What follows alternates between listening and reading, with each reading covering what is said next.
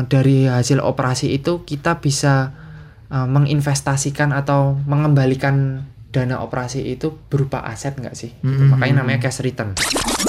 Dividend payment itu rumusnya aktivitas operasi dibagi dengan eh, pembayaran dividen. Ngobrak-ngabrik visi dan misinya Hmm, untuk hmm, dilihat secara detail lagi. Iya betul betul betul. Strategi yang cocok itu apa? Dengan strategi A, saya akan membuat laporan ke performa A. Mm-mm. Dengan strategi B, saya ingin membuat laporan keuangan performa B. Gitu. Oke. Waktunya kamu dengerin PDIP. Ini bukan parpol, tapi podcast. Pak dosen, ikut podcast. Assalamualaikum warahmatullahi wabarakatuh. Waalaikumsalam warahmatullahi wabarakatuh. Ini emang luar biasa sih. Aduh, ini Luar biasa kayaknya ini. eh, podcast terakhir di analisis laporan keuangan. Seriusan pak? Iya, Kenapa begitu pak? karena Ini kita masih 10 episode loh. Iya, karena setelah saya baca ya, Hmm. setelah saya baca analisis lab, eh, laba rugi itu nggak diba, eh, menurut saya udah nggak masuk sebenarnya. ya. Oh gitu. Nah, jadi untuk kali ini kita langsung bahas aja rasio arus kas dan proyeksi laporan keuangan. Jadi langsung tiga materi sekaligus. Tiga materi sekaligus. Yoi. Apakah kita akan sanggup untuk Sanggup lah orang ada mo- modul digitalnya nanti. sanggup lah ya? Sanggup. Gaskan lah ya pak ya. Hmm, jadi Gaslur. nanti siap-siap aja buat mahasiswa. Hmm. Habis eh, podcast ini langsung saya kasih Hmm. saya kasih tugas Hmm. langsung rasio arus kas sama proyeksi laporan keuangan. Rasanya ah mantap.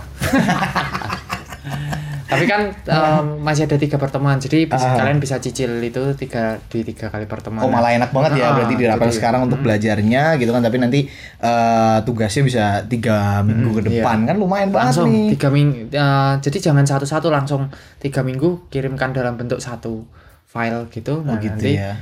Eh, hasilnya eh, ya nilainya tertinggi sekitar 15 sampai dengan 20 poin. Oke. Tanpa perlu berlama-lama lagi karena kita akan merangkum tiga materi gitu Iya, kan. So betul. kita akan ber uh, bekerja cepat ya untuk hari ini kita akan Yoi. menjelaskan secara cepat dan juga secara uh, efektif, efisien dan juga profesional. Oh, Luar biasa sekali. kok omongan anda kayak PNS ya pak? Loh, saya kan PNS, Pak.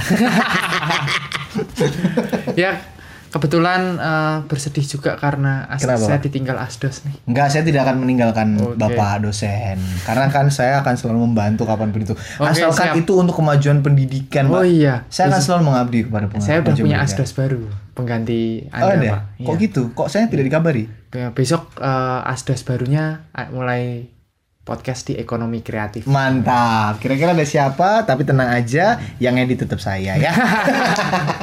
Welcoming speech pasti di depan tetap anda. Tetap pasti ya. Baiklah, kalau begitu untuk hari ini eh, kita akan membahas tentang tiga materi apa aja nih, Pak? Yang pertama adalah rasio arus kas atau cash flow ratio. Heeh, cash flow ratio atau rasio arus kas, Yang kedua adalah proyeksi laporan laba rugi. proyeksi laporan laba rugi, Dan yang ketiga adalah proyeksi laporan posisi keuangan. proyeksi laporan posisi keuangan. Jadi tadi ada laporan eh, arus kas ya, Hmm, Eh, rasio, rasio rasio arus arus kas, kas. terus laporan Proyeksi, Proyeksi. laporan laba rugi. proyeksi laporan laba rugi dan juga proyeksi laporan keuangan. Nah, nah, Mantap. tapi sekali. nanti ini yang proyeksi laporan laba rugi dengan la- proyeksi laporan posisi keuangan ini akan saya jadikan satu materinya. Oh gitu. Jadi saya ringkas saja sih sebenarnya. Ah, Oke, ini menarik banget nih Pak. Luar biasa, ini saya tidak sabar ya. Oke, kita akan membreakdown secara satu-satu ya. Yang Iya. pertama adalah materi kita untuk hari ini Rasio adalah arus kas. rasio arus kas. Boleh dijelaskan dulu Pak pengertian dari rasio arus kas dan fungsinya untuk apa? Gitu. Nah, sebenarnya kan memang untuk ras- eh, arus kas sendiri itu kan eh, sudah diperkenalkan di akuntansi keuangan menengah gitu. Oh gitu. Ya, di situ eh, kita mengetahui di situ ada dua metode, metode langsung dan tidak langsung. Nah, di arus kas ini eh, ada tiga eh, apa ya tiga aktivitas. Yang pertama adalah aktivitas operasi, aktivitas investasi dan aktivitas pendanaan. Hmm. Gitu. Nah, tapi untuk di rasio arus kas ini ada eh, yang kita mainkan atau yang kita perhitungkan kebanyakan lebih ke aktivitas operasinya. Hmm. Gitu. Kenapa sih eh, rasio a- harus ada harus ada atau menggunakan rasio arus kas nih sebenarnya ketika kalian nanti ingin mengaudit kas Hmm. itu selain cash of name dan eh, mungkin eh, rekonsiliasi bank itu bisa menggunakan yang namanya rasio arus kas karena rasio arus kas ini eh, di dalam laporan arus kasnya itu sendiri memang eh, kita lebih tahu secara eh, real time gitu loh. Oke. Jadi eh, uang masuk berapa langsung ketahuan gitu. Apalagi sekarang pakai ATM kan. Yes, benar benar benar benar. Kalau kalian pakai mobile banking langsung ketahuan itu. Ya, karena kan mutasinya bisa dilihat Betul. secara real time juga Iya, gitu. betul. Nah, Jadi itu- mau pakai bank apa aja, saya nggak tahu sih. Saya pakai bank eh, CAB sama eh, nasi goreng, Oh, Oke. yang namanya nasi goreng, ya kan? Tahu kan? ABC. Enggak dong, CAB sama nasi goreng. Kalau saya Mandiri pak. Oh, kalau oh. itu yang di Merican ya? Nasi goreng Merican. Saya pakai mobile bankingnya itu, meskipun ATM saya ada ada empat ya. Oke. Oh ada lagi ini pintar, pintar. Yang apa pintar? Genius. Nah, Sama kayak saya dong. Yoi, saya pakai Saya itu. genius. Nah itu semuanya bisa dicek untuk mutasinya. Jadi Betul. kalau misalkan uh, kita ngomongin tentang ya sekarang serba digital ya pak ya, pasti iya. kan uh, rekapan kayak gitu tuh itu sangat mudah sekali untuk bisa dilacak gitu. Hmm, Betul. apalagi zaman Nah, sekarang. itu kenapa harus dibuat yang namanya rasio arus kas ya? Rasio arus gas. Oke.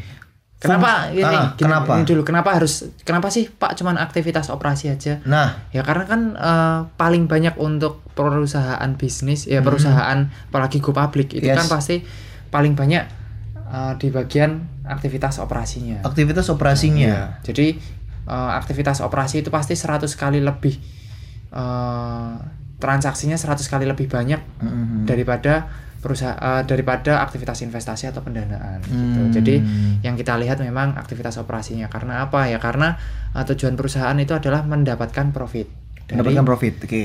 proses operasinya gitu. Hmm. Makanya kita pakai yang CFO, CFO itu apa itu pak? CFO. eh, cash flow yang untuk operasi. Cash flow operasi, aktivitas operasi. Iya, betul. Atau CFO. Nah, jadi sebenarnya Mhm. eh, cash flow ratio atau rasio arus kas ini eh, ya sebenarnya banyak sih eh, lebih eh, banyak orang yang lebih eh, menyenangi atau menyukai lah. Menyukai. menyukai eh, rasio arus kas ini karena memang dia lebih real time satu itu tadi. Yang kedua eh, daripada cari nah daripada di laporan laba rugi mending lebih baik saya ngelihat eh, pemasukan dan pengeluarannya secara real time Hmm, gitu kan. Jadi intinya bisa membandingkan eh, apa namanya eh, keuangan perusahaan dari waktu Iya. itu secara real time itu tadi ya. jadi bisa langsung dua sekaligus profitabilitas dan solvabilitas Oh, Oke, Gitu. menarik Dengan ya. melihat rasio arus kas itu kita bisa tahu. melihat eh, profitabilitasnya dan solvabilitasnya. Kapan sih eh, bisa eh, kita bisa melihat eh, kita mampu nggak sih bayar eh, biaya bunga dan angsurannya Mhm, Eh, atau kita eh, dengan operasi dengan dana operasi sekian bisa nggak sih menghasilkan laba sekian persen dari eh, biaya operasinya dan lain sebagainya. Nah itu bisa digunakan kita bisa melihat analisisnya dari rasio arus kas. Oke. Gitu. Analisis mm, rasio arus iya. kas. Oke. Nah sebenarnya di Hmm. rasio arus kas ini banyak banget sebenarnya. Oh iya, untuk ininya Pak, apa iya. tipe-tipenya penghitungannya itu tuh dibagi dalam berapa kategori atau gimana gitu Sebenarnya pas saya baca itu ada sampai 25-an lah. 25-an. Iya. Itu- 25-an yang saya kategorikan penting sebenarnya, tapi eh, ya ada beberapa yang harus dimakan anak S2, ada beberapa yang harus dimakan anak PPAK, Hmm. profesi akuntan, ada juga yang beberapa dimakan untuk anak S1. Nah, mungkin untuk anak S1 sekitar 10 atau 11 rasio lah. Oh 10 atau 11 lah ya. iya. Kayak jumlah pemain bola Hmm, lah ya. iya, betul. Gitu ya 10 11. Kalau 25 kan nanti takutnya kayak jumlah nabi dan rasul, Pak. 25. ya kan? Kan sama gitu lah. Oke, oke. Oke, sedangkan untuk eh, yang penting-penting itu boleh di breakdown eh, Iya.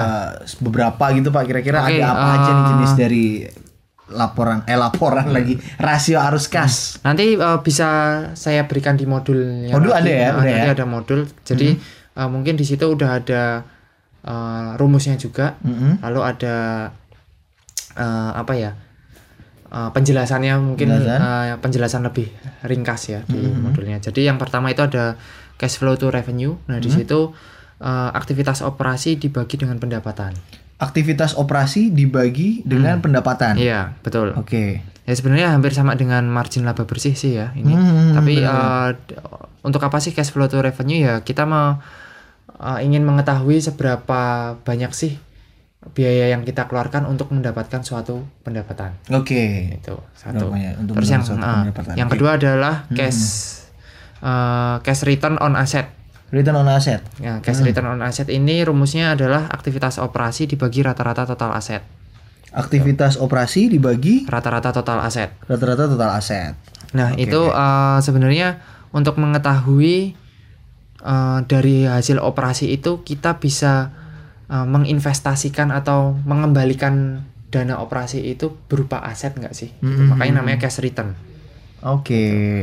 Cash return on asset. Gimana caranya kita memutar dana untuk mendapatkan aset lagi, untuk kita belikan aset Mhm. gitu.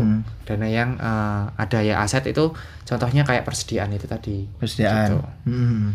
Lanjut, yang ketiga. Yang ketiga adalah cash return on equity. Return, ya hampir return, sama. uh, return on equity berarti dibagi uh, rata-rata total ekuitas ya. Iya, berarti ya. betul, Kalau tadi kan dibagi. total aset ya Iya, kan. betul.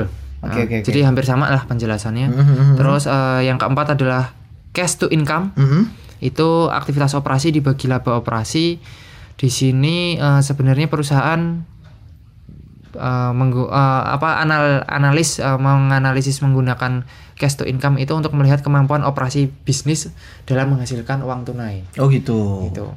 Jadi eh, sebenarnya kan laba operasi itu pasti eh, menghasil eh, ya sama aja kita dapat pengembalian uang kita ya dari Yes. yang kita gunakan operasional tadi plus profitnya. Hmm. Nah, pasti itu nanti akan dimasuk eh, setelah kita dapat laba laba bersih ya itu pasti kita akan masukkan ke laba ditahan dan mungkin ada beberapa yang dibagian untuk dividen. Nah, di sini yang kita pakai adalah laba operasi. Jadi eh, kita melihat sebelum dikurangi dengan biaya-biaya lainnya itu laba operasi itu eh, yang kita peroleh berapa sih? Ya sebenarnya pengen membandingkan antara eh, aktivitas operasi dengan eh, laba operasinya gitu. Laba operasi itu kan berarti pendapatan dikurangi HPP Pendapatan dikurangi HPP. gitu. Oke oke, menarik menarik. Itu tadi yang ke lima. Yang ke Eh yang ke empat. empat ya sorry ya, yang, uh, yang cash kali- income ya. Yang eh, iya, yang kelima itu adalah cash flow per share. Mhm. Di situ eh, Rumusnya? aktivitas operasi dikurangi dengan saham preferent, Mhm.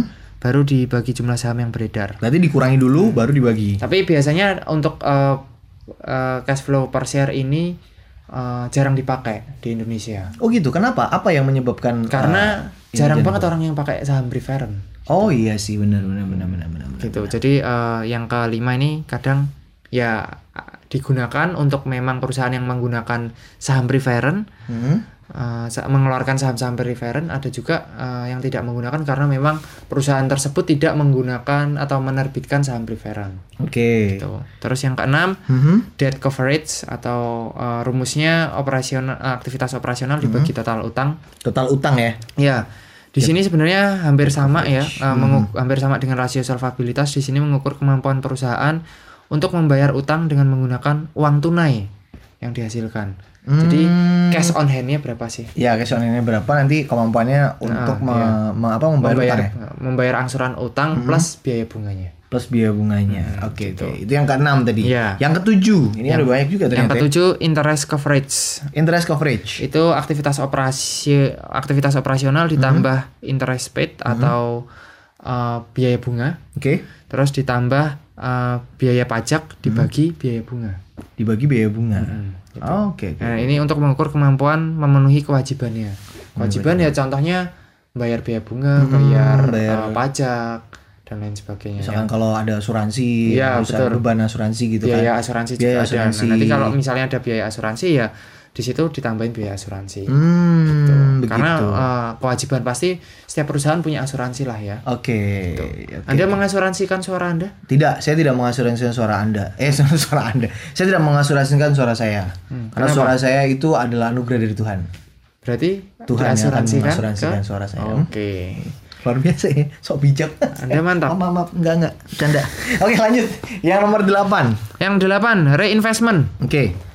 Reinvestment. Reinvestment kaitannya itu sama investasi eh, berarti iya, kan? betul. Eh, rumusnya operasi eh, aktivitas operasi Yes. dibagi dengan cash paid for long term asset.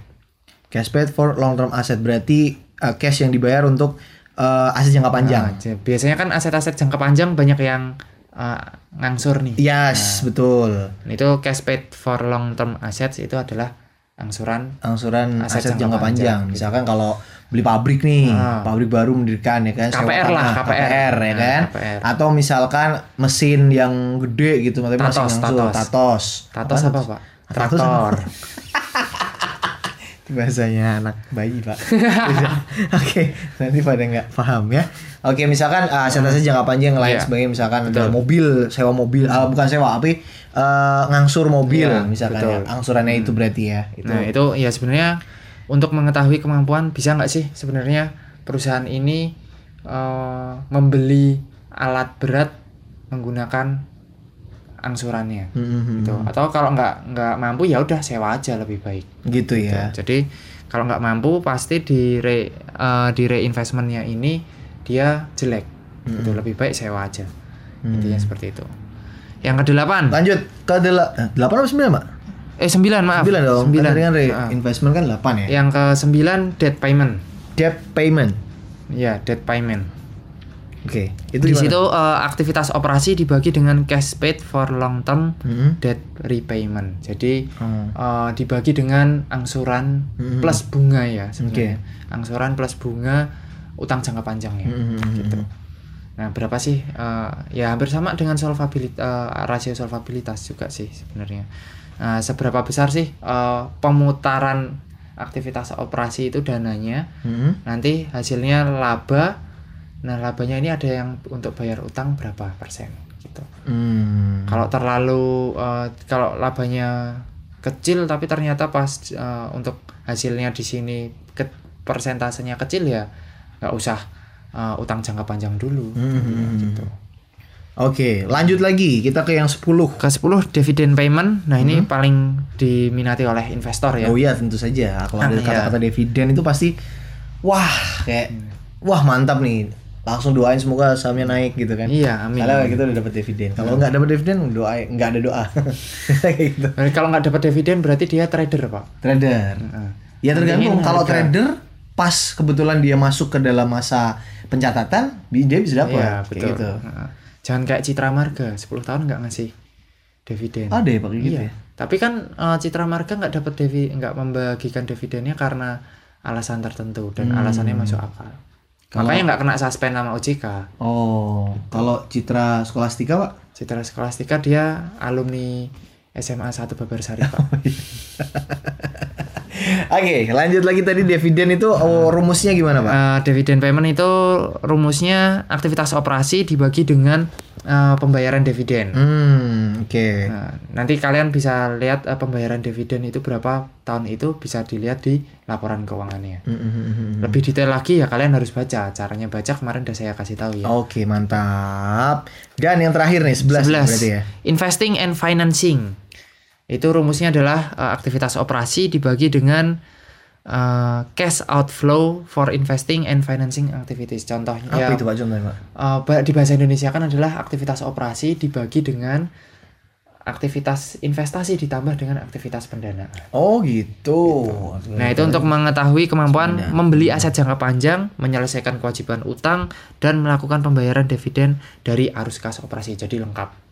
Kalau mau lengkap, gitu ya. langsung aja pakai investing and financing ratio ini. Mantap banget. Jadi memang harus pelajari nih teman-teman. Betul. Tadi ada 11. Mm-mm. Kalau misalkan masih bingung nanti bisa ditanyakan langsung ke Pak Bani ya kan. Oke, Tadi untuk eh, rasio arus kas. betul. Betul Pak. Sampai Rasio situ aja kalau untuk, Iya. untuk rasio arus kas. Rasio arus kas nggak usah banyak-banyak, nanti nggak gumuh mahasiswa. Oh iya, nanti nggak kita malah ikut arus kan? Iya. gitu. nah.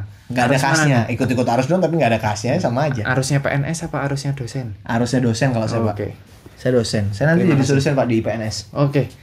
Di Bukan mana? bukan PNS yang jadi dosen ya, tapi dosen PNS ya. Dosennya PNS misalnya gitu. Oke, Oke, siap. lanjut. Kita lanjut ke Proyeksi laporan keuangan. Betul. Nah, di tadi saya juga udah bilang eh, proyeksi Eh laporan bukan keu- laba rugi dulu atau laba rugi dulu apa keuangan dulu, Pak? Ya, laporan keuangan kan isinya Oh, dalamnya ada laba rugi, juga. laporan Jadi- jadi satu ya berarti ya. Namanya Oke. laporan keuangan pro forma. Laporan keuangan pro forma. Nah, ya, laporan keuangan pro forma itu dimulai dari laba rugi, eh, posisi keuangan, Heeh. perubahan ekuitas, Mhm. arus kas. Arus kas. Gitu, itu Mantap. pro forma. Tapi kita membahas yang laporan laba rugi sama posisi keuangannya aja. Posisi keuangannya aja Gitu, iya. perubahan modal nggak? Berarti. Enggak, karena eh, ya sebenarnya perubahan modal itu nantinya akan mengikuti dari laba rugi sama posisi keuangan. Posisi keuangan Jadi itu ya. nggak perlu dibahas juga. Oke gitu oke ya. oke oke. Baiklah kalau begitu untuk laporan, eh laporan lagi. Untuk, proyeksi. eh, proyeksi, Iya. proyeksi laporan keuangan. Ya oke, eh, sebenarnya kenapa sih laporan keuangan itu harus diproyeksi? Mhm, mhm. Eh, kalau di kalau kita dulu di D3 ya, Yes. beda sama S1 ya. Kalau D3 itu ada yang namanya penganggaran ya dulu, Pak ya. Penganggaran betul, ada penganggaran bisnis. eh, eh, apa?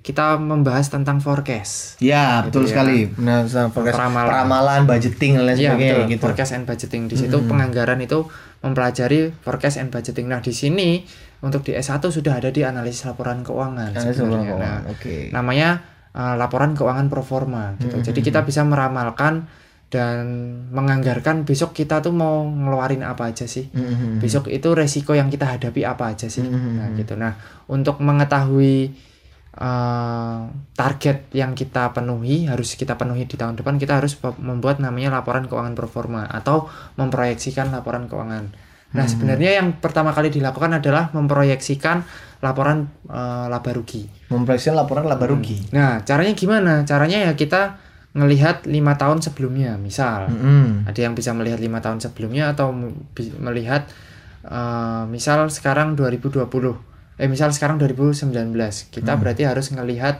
2016 ke 2017 2017 ke 2018 dan 2018 ke 2019 atau pengen pendek aja ya udah dari 2017 ke 2019 kita lihat eh, kenaikan pendapatannya berapa sih. Ternyata pas dilihat dengan menggunakan analisis tren dan analisis perbandingan laporan keuangan oh, oh, eh, penjualan atau pendapatannya ini setiap tahunnya rata-rata naik 10% gitu. Setiap tahun rata-rata naik 10%. Nah, berarti Oke. tahun 2020 mau kamu naikin berapa? Mhm. Gitu. Oh, saya mau naik eh, 22%. Oke. Misal. Bisa nggak? Nah, ternyata corona dan lain Ya. sebagainya. Nah, itu tetap harus ada forecastnya juga. Mhm. Eh, wah, ternyata 22% ketinggian. Kita bikin musyawarah lah ya. 22% ketinggian. Oh, ya udah, kita naik aja 15%. Mhm. gitu nah kita buatlah eh, pendapatan naik 15% gitu Oke. ketika pendapatan naik 15% pasti HPP juga naik. Tapi eh, HPP juga nggak bakalan naik 15% dong. Hmm. nah, kalian juga harus menargetkan ketika penjualan naik 15% HPP itu naik eh, menurut kalian paling bagus naik berapa persen sih? Itu harus ada alasannya. Gitu. Jadi misal eh, nanti saya akan membuat tugas nih ya Eh, tugasnya adalah terserah kalian kalian mau naikin berapa persen tapi kalian harus punya ana- alasannya Alasannya. Heeh, gitu. kenapa naik sekian sekian Hmm. mungkin ada faktor internalnya ada faktor eksternal kalian harus bisa menganalisis Hmm. gitu untuk mahasiswa ya Mhm. nah nanti setelah dapat akhirnya kita mendapatkan laba opera eh, laba bersihnya naik Eh, mungkin eh, dari beberapa biaya dan lain sebagainya dianalisis beda-beda ya naiknya ya persentasenya ya. Mhm. kalau kalian mau menyamakan persentase oke lah Oke. nggak apa-apa. Tapi kalau mau kalian beda-bedakan tetap harus ada alasannya gitu.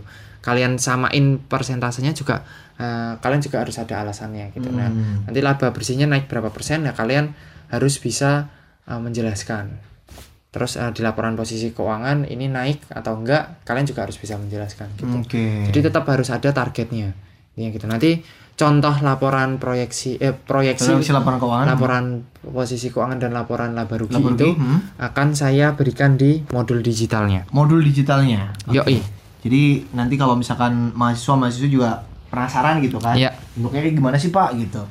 Mau lihat dulu Pak, nanti akan ada di modul digital. Jadi silakan nanti bisa dipahami dan juga bisa dicoba-coba juga gitu kan kalau misalkan mau latihan dulu Oke. ya kan silakan banget karena tugas ini masih panjang banget sekitar tiga minggu gitu Iya, kan makanya betul. harus dipersiapkan segala sesuatu sesuatunya dengan baik gitu. Jadi yang harus dipersiapkan untuk eh, laporan keuangan pro forma ini adalah yang pertama adalah data keuangan Hmm. sebelumnya. Mhm, mhm. Saya udah memberikan tahun 2016, 17, 18, 19 sepertinya ya. Nanti Oke. saya cek lagi. Mhm. Terus yang kedua adalah menyiapkan besaran angka proyeksi. Jadi setidak paling tidak mahasiswa udah baca laporan keuangannya. Mhm. Terus mungkin kira-kira mereka eh, mau naikin berapa harus ada analisisnya juga, harus ada alasannya kenapa. Nah, di situ harus menyiapkan besaran angka proyeksinya. Yang kedua adalah eh, sebenarnya pro, besarnya proyeksi ditentukan dengan nilai yang lebih besar menuju ke arah yang baik, Mhm. bukan ke arah yang buruk. Jadi tetap harus diproyeksikan naik, persentasenya Gitu ya Pak ya? gitu. Kenapa sih Pak kayak gitu? Lah iya kan Biar ini ya, biar kita optimis, Pak. Betul, biar optimis ya Nah, ini situ ya. dapat cewek optimis nggak? saya B aja sih. Cewek saya yang optimis. Oh, Enggak bercanda, bercanda, bercanda. Aduh. Berarti sekarang udah gak jomblo, Pak? Oh, enggak dong. Wis. Kan saya selalu optimis, Pak. Oh, orangnya. iya. Nah, Seperti makanya- laporan keuangan. Nah, Ya. betul. Forecast saya optimis, Betul. kenyataan saya juga optimis banget. Kan gitu. Mantap, Oke, mantap. lanjut, lanjut, lanjut. Oke, eh, sebenarnya eh, kesimpulannya dalam laporan performa ini eh, jadi nanti ketika kalian sudah bikin laporan keuangan performanya ditulis di situ laporan keuangan performa. Mm-mm. Harus ada performanya. Nanti dikirain laporan keuangan asli, "Wah, kok naik semua ya dari tahun yang lalu." Nah, Oh, gitu. pro dica- forma berarti. eh, harus dicantumkan pro forma. Pro forma. Hmm. Ya, terus eh, yang kedua adalah sebenarnya laporan keuangan performa ini untuk mengembangkan model keuangan perusahaan. Model keuangan perusahaan. Oh, tujuannya itu ya, Pak berarti ya. heeh. buat model misal ada oh ada pos baru nih. Hmm. Apa sih nama posnya? Biaya angsu eh, biaya bunga. Oh, kemarin tahun kemarin nggak ngutang sekarang eh, udah mulai menambahkan proporsi utangnya. Tadinya utangnya nol, sekarang jadi eh, 10% misalnya gitu. Nah, itu em, mengembangkan model keuangannya mengguna ya hampir sama kayak perencanaan ya. Oh, aku sekarang punya utang 20 juta misal. Oke. Nah, ber- berarti tiap tahun saya punya fixed cost yaitu nambah eh, biaya angsuran. Biaya Gitu aja. angsuran. Nah, akhirnya buka pos baru kan biaya angsuran. Nah, itu. Terus yang kedua adalah eh, menjelaskan skenario ke depan itu mau apa aja sih? Hmm, jadi dari situ kita bisa memproyeksikan ke depan ini mau bikin apa misalnya Ya, mau misal skenarionya eh, bakal gimana eh, gitu produknya perusahaan. saya pengen bikin produk baru. Hmm, hmm, hmm. Nah, kalau mau bikin produk baru apakah harus beli mesin atau eh, maintenance mesinnya Yes. lebih besar atau apa? Nah, itu Semua pasti dihitung ada di skenario nya betul Hmm. karena eh, kalau tanpa kalau nggak ada skenario nya itu pasti kita nggak bisa forecast juga nggak Betul, bisa betul. meramalkan Setuju, resiko apa yang harus kita dapatkan Hmm, gitu. hmm, hmm, hmm. terus yang ketiga menggunakan model untuk mengkon- mengkonstruksi sebenarnya Hmm, jadi ingin membangun laporan keuangan yang benar-benar sehat Benar-benar sehat. ya jadi ketika diaudit eh, nggak perlu lama-lama kita Hmm. juga nggak dapat suspend dari OJK ketika mempublish karena audit delay-nya lebih cepat Oke. gitu. Terus lanjut. eh, yang keempat menjalankan model dengan beberapa skenario yang berbeda. Misal laporan keuangan performa itu eh, kalian pengen ah kayaknya saya optimis 15 ah eh, pesimis-pesimisnya cuma naik 10% deh. Nah, kalian bisa bikin dua, Bisa bikin dua ya. bisa bikin dua laporan. Tapi untuk mahasiswa kal saya bikin satu alternatif aja. Oke, oke, oke. Gitu. Jangan sampai kalau mau bikin dua ya boleh. Hmm. Gitu. Tapi eh, kalau gumoh jangan salahkan saya. Ya hidup itu pilihan ya, Iya, betul. teman ya. Mm-mm. Oke, oke. Lanjut lagi, Dan Pak. yang terakhir adalah mengevaluasi implikasi dari perencanaan strategis. Itu kesimpulan dari lap- Iya. proyeksi laporan keuangan atau laporan Jadi keuangan eh, performa ya. kita mm, ma- apa ya intinya ya eh, ngobrak-ngabrik visi dan misinya Hmm, untuk hmm, dilihat leb- secara detail lagi. Iya, betul, betul, betul. Strategi yang cocok itu apa? Dengan strategi A saya akan membuat laporan ke performa A. Mm-mm. Dengan strategi B saya ingin membuat laporan keuangan performa B. Gitu. B. Mm. Jadi tadi ada alternatifnya sesuai dengan strategi. strategi dan Betul. juga eh, Perencanaan. perencanaan dan juga mungkin targetnya gitu Betul. kan forecastnya gitu ya jadi memang butuhnya eh, laporan keuangan performa itu memang untuk melihat apa ya intinya ya memproyeksikan itu tadi kira-kira ke depannya perusahaan mau seperti apa kayak Iya. gitu kalau misalkan punya tujuan pasti bakal punya rancangan atau eh, apa ya intinya kerangka jalannya gimana untuk mencapai tujuan tersebut Oke. kan intinya seperti itu luar biasa sekali pak materi kita untuk hari ini Wah, keren keren keren keren. Jadi nanti eh, kemungkinan eh, habis materi ini Hmm? mungkin eh, ada sekali Google Meet aja. Ya. Jadi untuk eh, tanya jawab diskusi untuk nambah poin-poin lah mahasiswa. kok tumben, Pak? Itu ya. Bersemangat Google Meet. Eh, saya sudah capek podcast, Pak. Nggak capek sih sebenarnya saya gara-gara saya tinggal aja ya. Waduh. Kayak gitu, luar biasa ya. Buka curhatan nih, Pak. Kan podcastnya bisa digunakan per semester tahun depan, Iya, ya kan oke. lumayan loh, Pak. Terima kasih, terima kasih. Keren loh ini. Jadi- aset ini juga aset nih. Oke, iya betul. Tinggal di copyright aja. Heeh. Bisa supaya dapat haki ya. Yo, benar ya kan. Oke. Baik. Cuman Ap- sekian apalagi? aja sih. Ada yang mau ditambahkan lagi? Udah cukup? Udah. Oke, semoga sih mahasiswa-mahasiswi juga bisa menangkap uh, materi kita untuk hari ini. Ya, jadi dan tugas-tugasnya juga silakan untuk dikerjakan. jadi paling enak sebelum mendengarkan podcast itu baca.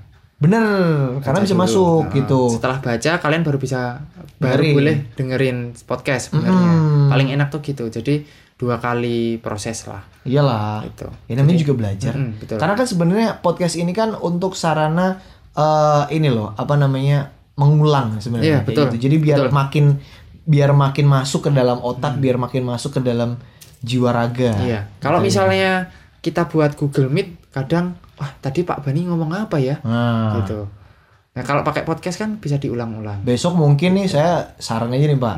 Kalau mau UAS kan ada kan UAS Iya, kan? iya. UAS mungkin eh, wajib open cam aja, Pak. oke Seru kan? boleh boleh tapi saya males Pak Ternyata yang malas dosennya. Jadi Baiklah. lebih baik take home aja Take home aja, bisa dianalisis ya, Pak Mm, ya. betul Oke. kasihan oke. juga kalau yang Betul, kalau betul, was betul, betul. uh, on cam kan kasihan yang punya sinyalnya Oh iya sih. ada mahasiswa dengan ketidakpastiannya Wih. ketidakpastian sinyal pak Oh iya, bukan benar, ketidakpastian Lah kan bisa PHP. datang ke Pak Bani. Pak Bani kan punya wifi kenceng. wis Dosen itu dikaryakan aja teman-teman mahasiswa mahasiswa ya. Silakan gitu loh. Kalau misalnya butuh sinyal silakan datang ke rumah Pak Bani. Bisa lah. misal dari Aceh gitu datang gitu. Datang aja. Kan Pak Bani yang bayar pesawat. ngaco aja oke oke terima Baiklah. kasih Terima kasih Uh, ya. Vian Arditya Terima kasih untuk materi kita, kita. masih punya uh, podcast banyak untuk yang Oh, kewirausahaan kewirausahaan masih banyak banget. Ini masih dalam proses, jadi silakan untuk dengarkan juga mahasiswa-mahasiswa yang eh, yang eh, apa mahasiswa-mahasiswi ALK ya kan ngasih laporan keuangan. Kalau penasaran sama podcast yang kewirus silahkan untuk Nah, iya. dengerin aja. Siapa tahu kalau nambah ilmu iya, ya. kalau ada yang penasaran sama penggantinya Vian Hmm, nah dengerin besok podcastnya Mantap. ekonomi kreatif mantap sekali. Yang pasti tidak lebih baik dari saya sih. Baiklah Jangan, kalau dia, dia juga lagi belajar soalnya Baiklah kalau begitu saya Fian Arditya pamit undur diri. oke saya Bani Adikino di Pronosoko Dewa panjang Panjang, Pak Bani tercinta. Yes. Pak Bani dosen paling funky di UP pamit juga ya. Kalau begitu sampai ketemu di lain waktu. Assalamualaikum warahmatullahi wabarakatuh Sampai ketemu lagi di PDIP episode selanjutnya. Pak dosen ikut podcast Bukan parpol, tapi, Tapi podcast. Eits, jangan sampai ketinggalan di episode selanjutnya ya. Sampai ketemu lagi. Bye-bye.